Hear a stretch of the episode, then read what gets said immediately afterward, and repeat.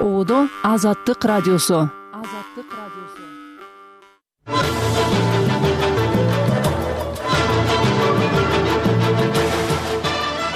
азаттыктын ишембидеги кечки чыгарылышы түз эфирде алгач берүүбүздүн мазмуну менен таанышып алыңыз. Украинадагы согуштун эки жылдыгына карата бул өлкөнүн кыргызстандагы элчилигинде курман болгондорду эскерүү иш чарасы өттү беш миллиондон ашык украин эли чыгып кеткенге аргасыз болуп атат. Көптөгөн адамдардын өмүрү алынып атат. Бул өтө өкүнүчтүү көрүнүш. Украин элине тилектештик билдиргени келдим. Орус бийлигинин куугунтугуна кабылып киши колдуу болгон орус оппозиционерлери тууралуу баяныбыз бар. Путин бийликке келген жыйырма төрт жыл ичинде бир миң тогуз жүз токсон тогузунчу жылдын августунан бери киши колдуу болгон же күмөн жагдайда каза тапкан белгилүү инсандардын айрымдары гана тууралуу маалыматты сунуш кылабыз ошондой эле эл аралык басма сөздөн баяндайбыз. Азаттыкта мына ушул жана башка темаларга кенен чонон токтолобуз. Ошондой эле эленора бейшенбек кызынан күндүн негизги кабарларынан угасыз. Бүгүн ишемби жыйырма төртүнчү февраль берүүнү мен кундуз кызылжарова алып баруудамын. Ал эми жаңылыктарды кесиптешим эленора бейшенбек кызы айтып берет. Рахмат саламатсызбы угарман орусиянын украинага каршы согушуунун эки жылдыгына карата еврокомиссиянын төрайымы урсула фон дер ляйен баштаган айрым батыш лидерлери киевке келди. Ал кайгылуу датага байланыштуу сапары тууралуу экс социалдык тармагындагы барагына жазды. Анда украин президенти владимир зеленский баштаган өлкө башчылары менен жолугарын орусиянын агрессиясына каршы киевке жардам берүүнү улантуу маселелери талкууланарын маалымдады мунун алдында акш президенти джо байден орусияга каршы санкциялардын жаңы айлампасы киргизилгенин билдирген анда беш жүздөй жаңы чектөө кремлдин келишки сынчысы алексей навальныйдын өлүмү украинадагы согушка байланыштуу кабыл алынганын билдирген. Евробирдик дагы украинадагы согуштун эки жылдыгын утурлай орусияга каршы санкциялардын он үчүнчү айлампасын жарыялаган. Орусия украинага кеңири масштабтагы согуш ачканына жыйырма төртүнчү февралда туура эки жыл болду орус армиясы дээрлик күн сайын украинанын аймагына абадан сокку уруп келет. Кремль көптөгөн далилдерге карабастан жарандык инфратүзүмдөргө жасалган чабуулдарды четке кагып бир гана аскердик объектилерди бутага алганын билдирип келет. Бишкекте жыйырма чакты активист жарандар жыйырма төртүнчү февралда украинанын кыргызстандагы элчилигине барып бул өлкөгө тилектештигин билдирди алар эки жылдын ичинде курман болгондорду эскерип москванын киевке каршы агрессиясын айыпташты. Активисттер менен украин элчиси валерий жовченко баштаган дипломаттар жолугуп ыраазычылыгын айтты.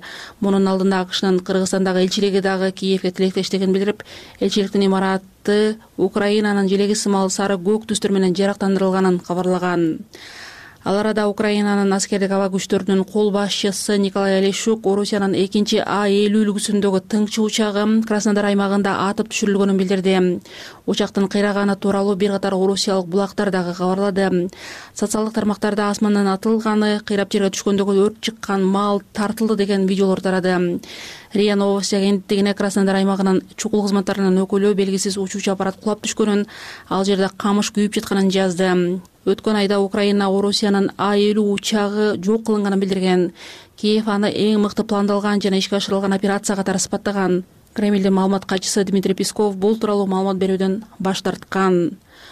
Орусияда түрмөдө каза болгон оппозициячыл саясатчы алексей навальныйдын апасы людмилага тергөөчүлөр уулунун тажыясын жашыруун өткөрүүнү болбосо аны айбактын аймагында жерге берип салышарын айтып ультиматум койгону кабарланды. Бул тууралуу маркум саясатчынын басма сөз катчысы кира ермыш кабарлады ал людмила навальная тергөөчүлөрдөн мыйзамды сактоону талап кылып жатканын уулунун өлүмүнүн себеби аныкталгандан кийин эки күндүн ичинде анын сөөгү туугандарына берилиши керектигин айтканын маалымдады.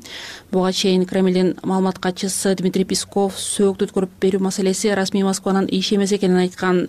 Мунун алдында он миңдеген адам навальныйдын сөөгүн үй бүлөсүнө өткөрүп берүүнү талап кылып орусиянын тергөө комитетине кайрылган. Саясатчынын жесири юлия навальная күйөөсүнүн өлүмүн орус президенти владимир путинден көрүүдө бир катар батыш лидерлери дагы бул пикирди колдойт. кырк жети жаштагы алексей навальный он алтынчы февралда ямало ненец автоном аймагындагы түрмөдө каза болгон. Кытайлык nbtc limited компаниясы нарында семиз бел жана кызарт аймактарында күн жана шамал электр станцияларын курат. Бул тууралуу энергетика министри таалайбек ибраев бишкекте аталган компаниянын директору шифан менен жолугушуусунда айтылды. Аталган министрликтин басма сөз кызматы тиешелүү меморандумга кол коюлганын кабарлады. Бирок бул долбоордун баасы жана качан башталаары тууралуу маалымат тараткан жок. Былтыр мартта президент садыр жапаров энергиянын кайра жаралуучу булактарына байланыштуу жарлыкка кол койгон. Анда бул багыттагы станцияларды курууга бир катар жеңилдик берүү каралган.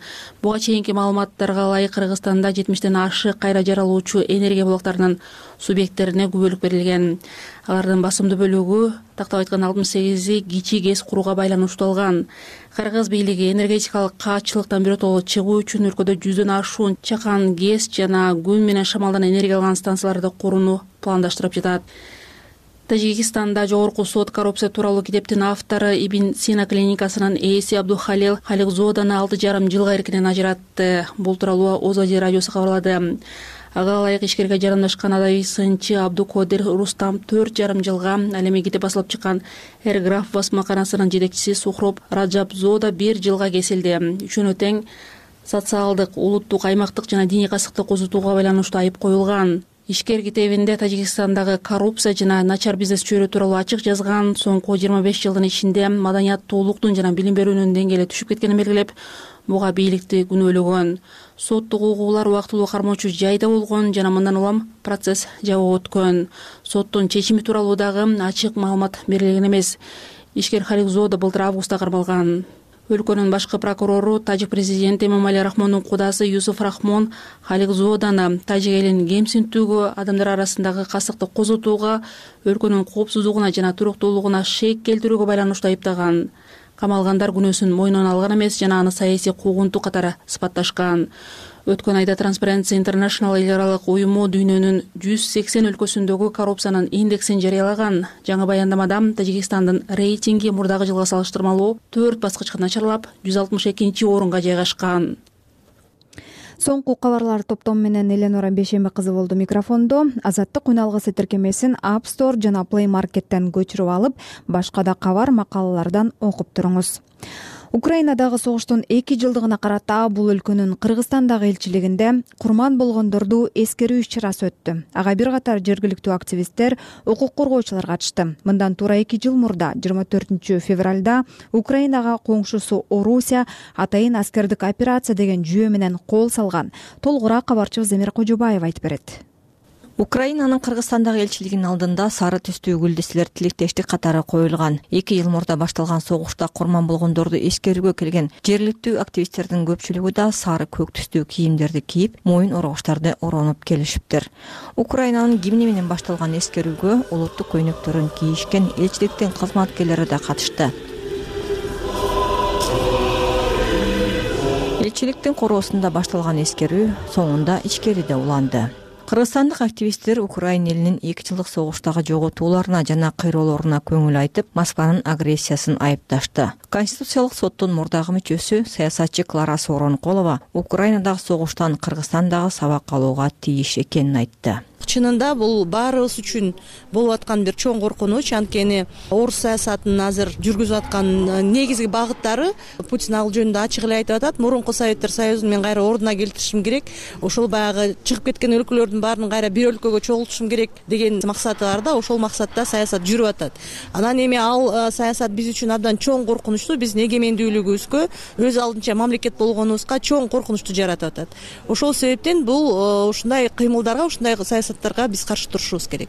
Сооронкулованын сөзүн коштой сүйлөгөн дагы бир активист улукбек маматаев согушту айыптап башка эгемен өлкөлөргө баскынчылык кылган өлкөлөрдүн саясатына каршы турууга чакырды. Бул согуш негизи эле бир эле украина мамлекетине тиешелүү согуш деп караганга такыр болбойт. Биз дагы россия федерациясы өзгөчө путиндин мындай саясатына каршы пикирибизди билдирбей унчукпай отуруп калсак эртеңки күнү биз дагы өзүбүздүн мамлекетибиздин келечегине мамлекетибиздин көз карандысыздыгына бир балта чаба калышыбыз мүмкүн да. Ошондуктан азыркы убакта баардыгыбыз ойгонуп баардыгыбыз өзүбүздүн мамлекетибизди сүйүп ушундай бир агрессия болуп аткан мамлекеттердин саясатына каршы турушубуз керек. Деди улукбек маматаев украинанын кыргызстандагы элчиси валерий жавтенко тилектештик билдирип келген кыргызстандык активисттерге ыраазычылыгын билдирди ал украина орусиянын баскынчылыгын токтотуп мурдатан басып алган аймактарын дагы бошотуп алат деген ишеничин айтты. Благодарю кыргызстанцев которые нас поддерживают которые понимают что происходит в украине. Которые понимают мен украинада болуп жаткан окуяны түшүнүп украин элине тилектештигин билдирип жаткан адамдарга терең ыраазычылык билдирем. Украина өзүн орусиянын баскынчылыгынан коргоп келе жатканына эки жыл болду украин эли өз эркиндиги мамлекеттин бүтүндүгү үчүн күрөшүп келе жатат. Орусиялык баскынчылар бүгүн биздин шаарларды талкалап элибизди өлтүрүп жатышат. Украин эли орусиянын курал менен келген армиясынын баскынчылыгын токтотушу керек. Анткени бул баскынчылардын башка өлкөлөргө да бастырып кирбеш үчүн өтө маанилүү. Биз согушту жеңебиз. Украина кыргызстанды келечеги кең эркин эгемен аймактагы башка өлкөлөр үчүн үлгү болуучу мамлекет катары көрөт. Свободным успешным и который будет примером для всех стран центральной азии.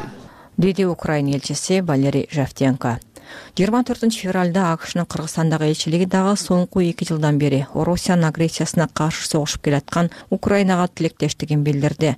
Бул маалымат элчиликтин икс социалдык тармагындагы баракчасына жарыяланды. Акш өз мекени үчүн салгылашып жаткан украин элин колдойт. Орусиянын украинага толук басып киришине эки жыл толгонуна карата акш элчилиги көк жана сары түстөр менен жарыктандырылды деп жазылган анда орусия украинага кеңири масштабтагы согуш ачканына жыйырма төртүнчү февралда туура эки жыл болду орусиянын армиясы дээрлик күн сайын украинанын аймагын абадан сокку уруп келет. Кремль көптөгөн далилдерге карабастан жырандык инфратүзүмдөргө жасалган чабуулдарды четке кагып бир гана аскердик объектилерди бута калганын билдирүүдө. Эки жыл ичинде украинанын ондогон шаарлары тыптыйпыл болуп миңдеген жай тургундар каза таап миллиондогон жарандары качкын болуп жүрөт. Кыргызстан согуш башталганда эле бейтарап позицияда экенин билдирген. Замира кожобаева азаттык бишкек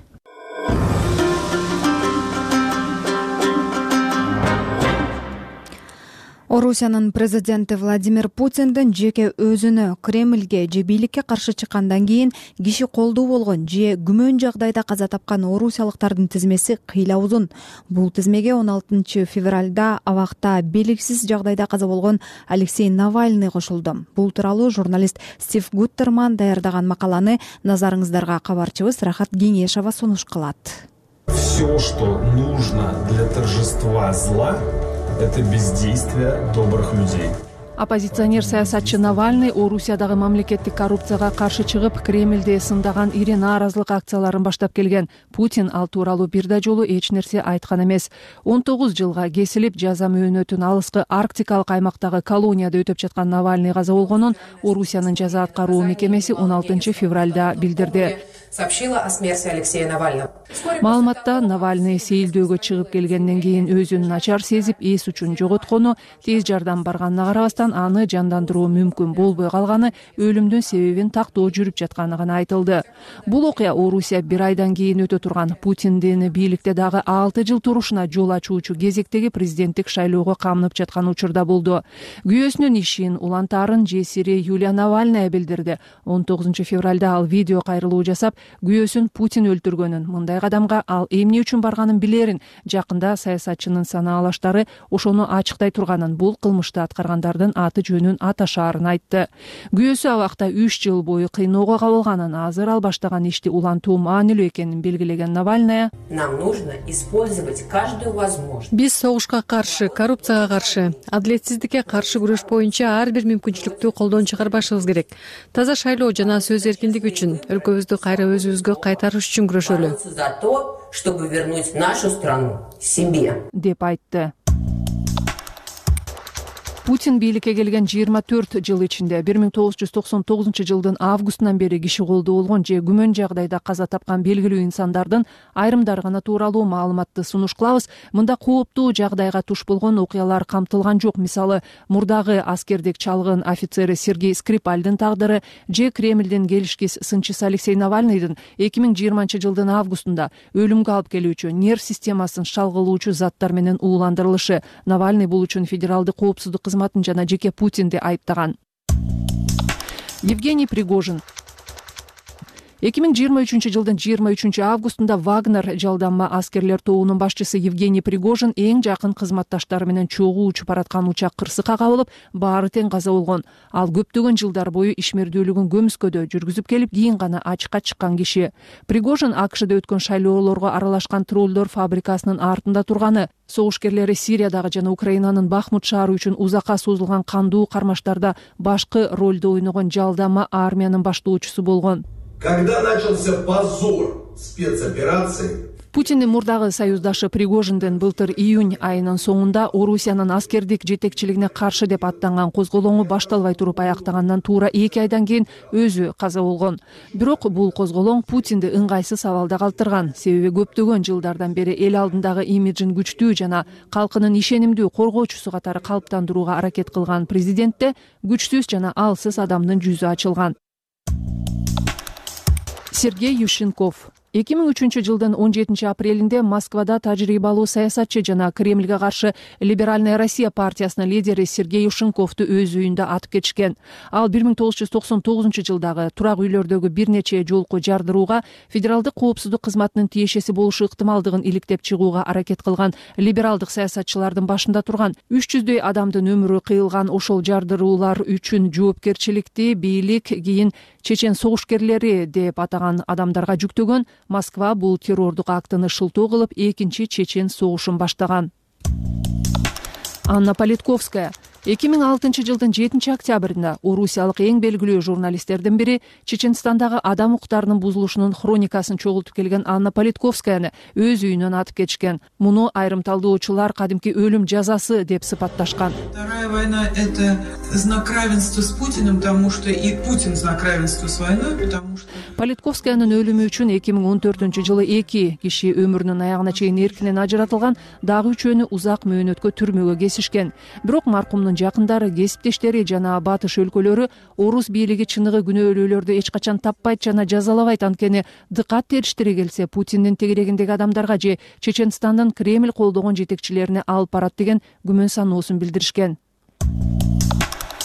Александр литвиненко эки миң алтынчы жылдын жыйырма үчүнчү ноябрында орусиянын федералдык коопсуздук кызматынын кызматкери александр литвиненко лондондо реактивдүү полоний эки жүз он затына ууланып каза болгон эки миңинчи жылы ал фсбны олигарх борис березовскийди өлтүрүү үчүн кол салуу уюштурган деп айыптагандан кийин британияга качып кеткен. Кийинчерээк литвиненко бир миң тогуз жүз токсон тогузунчу жылдагы жай тургундар жашаган үйлөрдөгү жардыруулар үчүн фсбны күнөөлөгөн китепке авторлош болгон. Британияда жүргүзүлгөн иликтөө литвиненко бир нече апта мурда лондондогу мейманканалардын биринде орусиялык андрей лугов жана дмитрий ковтун менен жолугушканда ичкен чайга полоний заты кошулганын аныктаган. Москва аларды экстрадициялоодон баш тарткан. Эки миң он жетинчи жылы акш магнитский мыйзамы боюнча экөөнү тең кара тизмеге киргизген. Наталья истемирова эки миң тогузунчу жылдын он алтынчы июлунда белгилүү укук коргоочу наталья истемированы чеченстандын борбору грозныйда уурдап кетишкен бир нече сааттан кийин анын сөөгү башына жана көкүрөгүнө ок тийген абалда ингушетиядан табылган. Истемирова чеченстанда адам укуктары бузулган жүздөгөн анын ичинде адам оордоо жана киши өлтүрүү фактыларын иликтеген ал иштеген мемориал укук коргоо уюму эстемированын киши колдуу болушуна чечен күч кызматкерлеринин тиешеси бар болушу ыктымал экенин айтып чыккан. Кийинчерээк эстемированын өлтүрүлүшү чеченстандын кремльге таянган башчысы рамзан кадыров уюштурган дегени үчүн мемориалдын жетекчиси олег орловду айыпташкан бирок ал акыры акталган сергей магнитский эки миң тогузунчу жылы он алтынчы ноябрда орус чиновниктерин салык жаатында эки жүз отуз миллион долларлык көз боемочулук кылган болушу мүмкүн деп айыптаган адвокат сергей магнитский өзү түрмөгө камалып бир жылдан соң каза тапкан. Панкреатит менен ооруган магнитскийге тергөө абагында медициналык жардам көрсөтүлгөн эмес. Укук коргоочулардын айтымында анын камактагы шарты кыйноого тете болгон. Орусиянын президентине караштуу адам укуктары боюнча кеңеш ал каза болоор алдында катуу сабалганын айтып чыккан эки миң он экинчи жылы акшда укук бузууларга тиешеси бар орустарга каршы деп магнитский актысы кабыл алынган. Бул мыйзам виза алууну чектейт жана активдерди камакка алат. Мындай чектөөнү башка батыш өлкөлөрү дагы колдошкон. Эки миң он үчүнчү жылдын июль айында орусиянын соту магнитский өлгөндөн кийин аны салык төлөөдөн качканы үчүн күнөөлүү деп тапкан борис немцов. бир миң тогуз жүз токсонунчу жылдары саясий жылдызы жанып бирок кийинчерээк путиндин элдешкис каршылаштарынын бирине айланган мурдагы губернатор жана реформачыл вице премьер министр борис немцовду эки миң он бешинчи жылдын жыйырма жетинчи февралында кремлдин жанындагы көпүрөдө атып кетип өлтүрүшкөн. Немцов элүү беш гана жашта болчу. Режим путина он очень коррумпированный и очень неэффективный. Путин биринчи жолу президент болгон жылдары немцов либерал депутат катары адилетсиз парламенттик шайлоого жана путиндин эки миң он экинчи жылы президенттик тактыга кайтып келишине каршы нааразылык акцияларын уюштуруучулардын бири болгон. Ал эки миң он төртүнчү жылы орусиянын украинага жасаган агрессиясын айыптап муну орусиянын бетине көө жапкан жүз каралык бет бактык деп атаган. Киши колдоо болор алдында немцов жана анын шериктери москванын коңшу өлкөлөрдүн биринин ишине кийлигишкени тууралуу баяндама даярдап жатышканы айтылган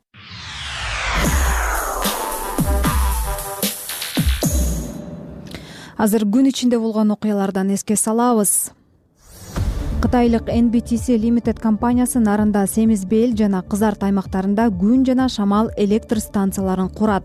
Тажикстанда жогорку сот коррупция тууралуу китептин автору ибн сина клиникасынын ээси абдухалил халикзоданы алты жарым жылга эркинен ажыратты. Орусиянын украинага каршы согушунун эки жылдыгына карата еврокомиссиянын төрайымы урсула фон дер ляйен баштаган айрым батыш лидерлери киевке келди. Бишкекте жыйырма чакты активист жарандар украинанын кыргызстандагы барып бул өлкөгө тилектештигин билдирди.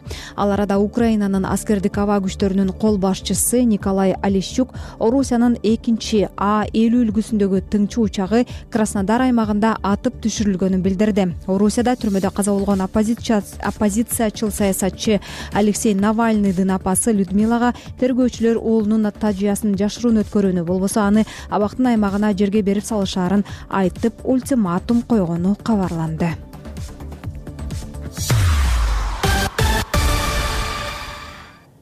эми эл аралык басма сөзгө сунуштайбыз ал баяндаманы кесиптешим айнура жекше кызы даярдаган лемонт гезити жыйырма экинчи февралдагы санында украинага басып киргендиги үчүн орусияга салынган санкциялардан эмне себептен каалагандай майнап чыкпай жатканын талдаган. Жюльен буйсу эл аралык валюта фондунун отузунчу январдындагы прогноздоруна ылайык быйыл орус экономикасынын өсүшү эки бүтүн ондон алты процент болот деп күтүлгөнүн. Бул былтыркы октябрдагы божомолдон эки эсе ашаарын жазат. Жана көрсөткүчтүн жогорулашы санкциялар жыйынтык берип жатабы деген суроону жаратаарын белгилейт андан ары макалада орусиянын экономикасын чөктүрбөй кармап турган жагдайлар анализденет. Мисалы москва былтыр чыгашасын отуз миллиард долларга көбөйттү. Ошол эле маалда мунайдан түшкөн кирешенин эсебинен кооптуу дефициттин алдын алууга жетишти. Орусия газ жана мунайын кытай менен индияга көбүрөөк экспорттоого киришти андан тышкары мунайга коюлган бааны микрочиптер өңдүү кош максаттагы товарларга салынган санкцияларды кыйгап өтүүнүн схемалары түзүлгөнүнө токтолгон журналист ошондой маршруттардын арасында биринчи кезекте борбор азия менен кытайды атайт. Майер браун компаниясынын юристи жойдип сенгуптанын айтымында жеке адамдарга киргизилген жазалоочу чараларга байкоо салуу кыйын. Эмне дегенде айрым орус компанияларын ким көзөмөлдөөрүн аныктоо оңой эмес.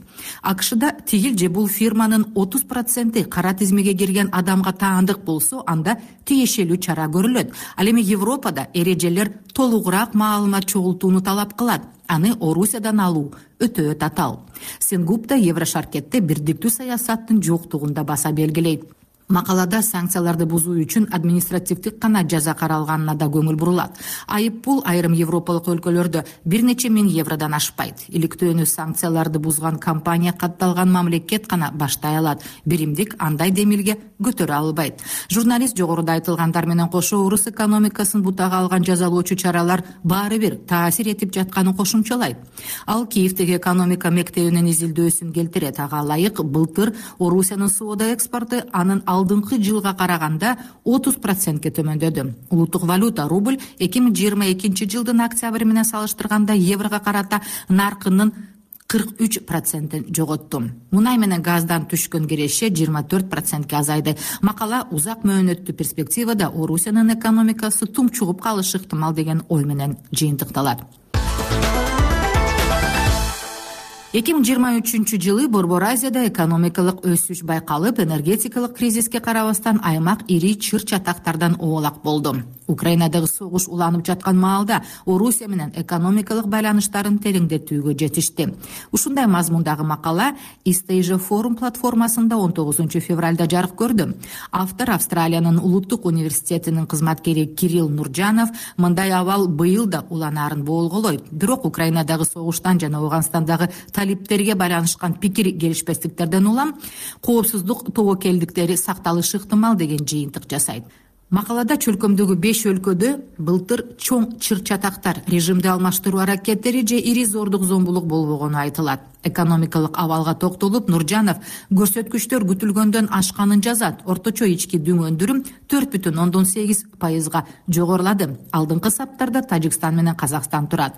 Мындай ийгиликтин негизги фактору катары украинадагы согуш аталат. Региондун баардык өлкөлөрү москва менен экономикалык карым катнашын бекемдеди. Алар чет элдик фирмалардын орусиядан чыгып кетишинен кийинки боштукту толтуруп орус фирмаларынын капиталынын жана жарандарынын өз аймагына пайда табышты. Батыш санкция салган товарлар менен технологияларды орусияга жашыруун импорттоо борбор азиянын көптөгөн ишкерлерине киреше алып келди. Андан кийин саясий чөйрөдөгү тенденциялар талданган изилдөөчү украинадагы согушка келгенде борбор азия лидерлери бейтарап позициясын карманып келгенин белгилейт андан тышкары жыл бою с беш плюс бир форматындагы саммиттер уюштурулуп келди. Акшнын мамлекеттик катчысы энтони блинкен жана франциянын президенти эммануэль макрон чөлкөмгө барып кетишкен. Бирок автор батыштын бул аракеттери анча жемиш алып келген жок деп эсептейт. Өз кезегинде москва дагы бул өлкөлөрдү өз бооруна тартуу чараларын көрүп жатты. Нуржанов экинчи даражадагы санкциялар салынса да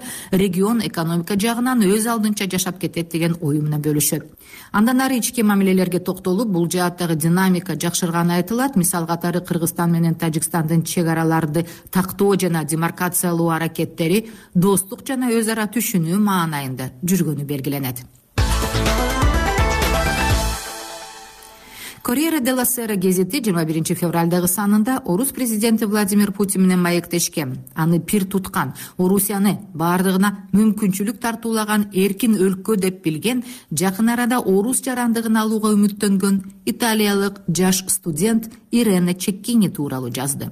Ал бир нече күн мурун москвада жаштардын жаңы доордун күчтүү идеялары деген форумунда сүйлөп италияда кеңири таанылган жыйырма эки жаштагы студент мекендештерине орусияга отурукташууга атүгүл ал өлкөнүн жарандыгын алууга жардам бергиси келерин айтып путинге кайрылган. Италиялык дагы бир басылма ла стампа гезитине берген интервьюда чекини орусияны эркин өлкө деп эсептерин билдирди. Ал орусияны эркин эмес диктатура деп атоо жылдардан бери москвага чабуул коюп келаткан батыштын ойлоп тапканы деген пикирин ортого салды ошол эле маалда италиялык маалымат каражаттары жазгандай чекини украинага согуш ачуу навальныйдын абактагы өлүмү тууралуу суроолорго жооп берүүдөн баш тартты. Бул маселеде мен эксперт эмесмин деп айткан студент андан көрө путин жана анын долбоорлору тууралуу кеп кылууну каалаарын кошумчалады. Гезиттин жазганына караганда миланда туулуп лоди провинциясында өскөн чекини мектепте окуп жүргөндө эле геосаясатка орус адабиятына кызыкчу. Кийин москвадагы эл аралык мамилелер институтуна жазылып азыр төртүнчү курста окуп жатат. Айнура жекше кызы прага. Маданий жана адабий руханий жана тарыхый маектер. азаттык радиосунун сыябан түрмөгүндө. Сыябан түрмөгүндө. Үмүттөнө берем да. Кайра кыргыз керемети жаралат го кайра театр кыргыздын дүңгүрөйт го канаттар деген өзүн жашап бүткөндөн кийин кеткиси келет. Күүлөрдүн баарын жатка билесизби? Түн ичинде саат экиде үчтө ойготуп ойносо эле ойноп азыр эми балдар дагы үмүтайым болуп калышты. Бир атым калды окшойт. Канчалык өткөн күндөрүң түндөрүң бар сахнаң бар дегендей. Казак актер достор келгенде үйгө чакыра албайм деп ошол аябай уят да мага алар жакшы турушат да. Мен мурда ойлочу элем там он сегиз жыл же жыйырма жыл жазгандар болот да операсынчы кантип эле ушул чыгарманы ушунча жыл кармап жаза берет депчи өнөрү жана таланты менен элге таанылган инсандар коомдук ишмерлер менен сыябанда баарлашабыз. Сыябанда баарлашабыз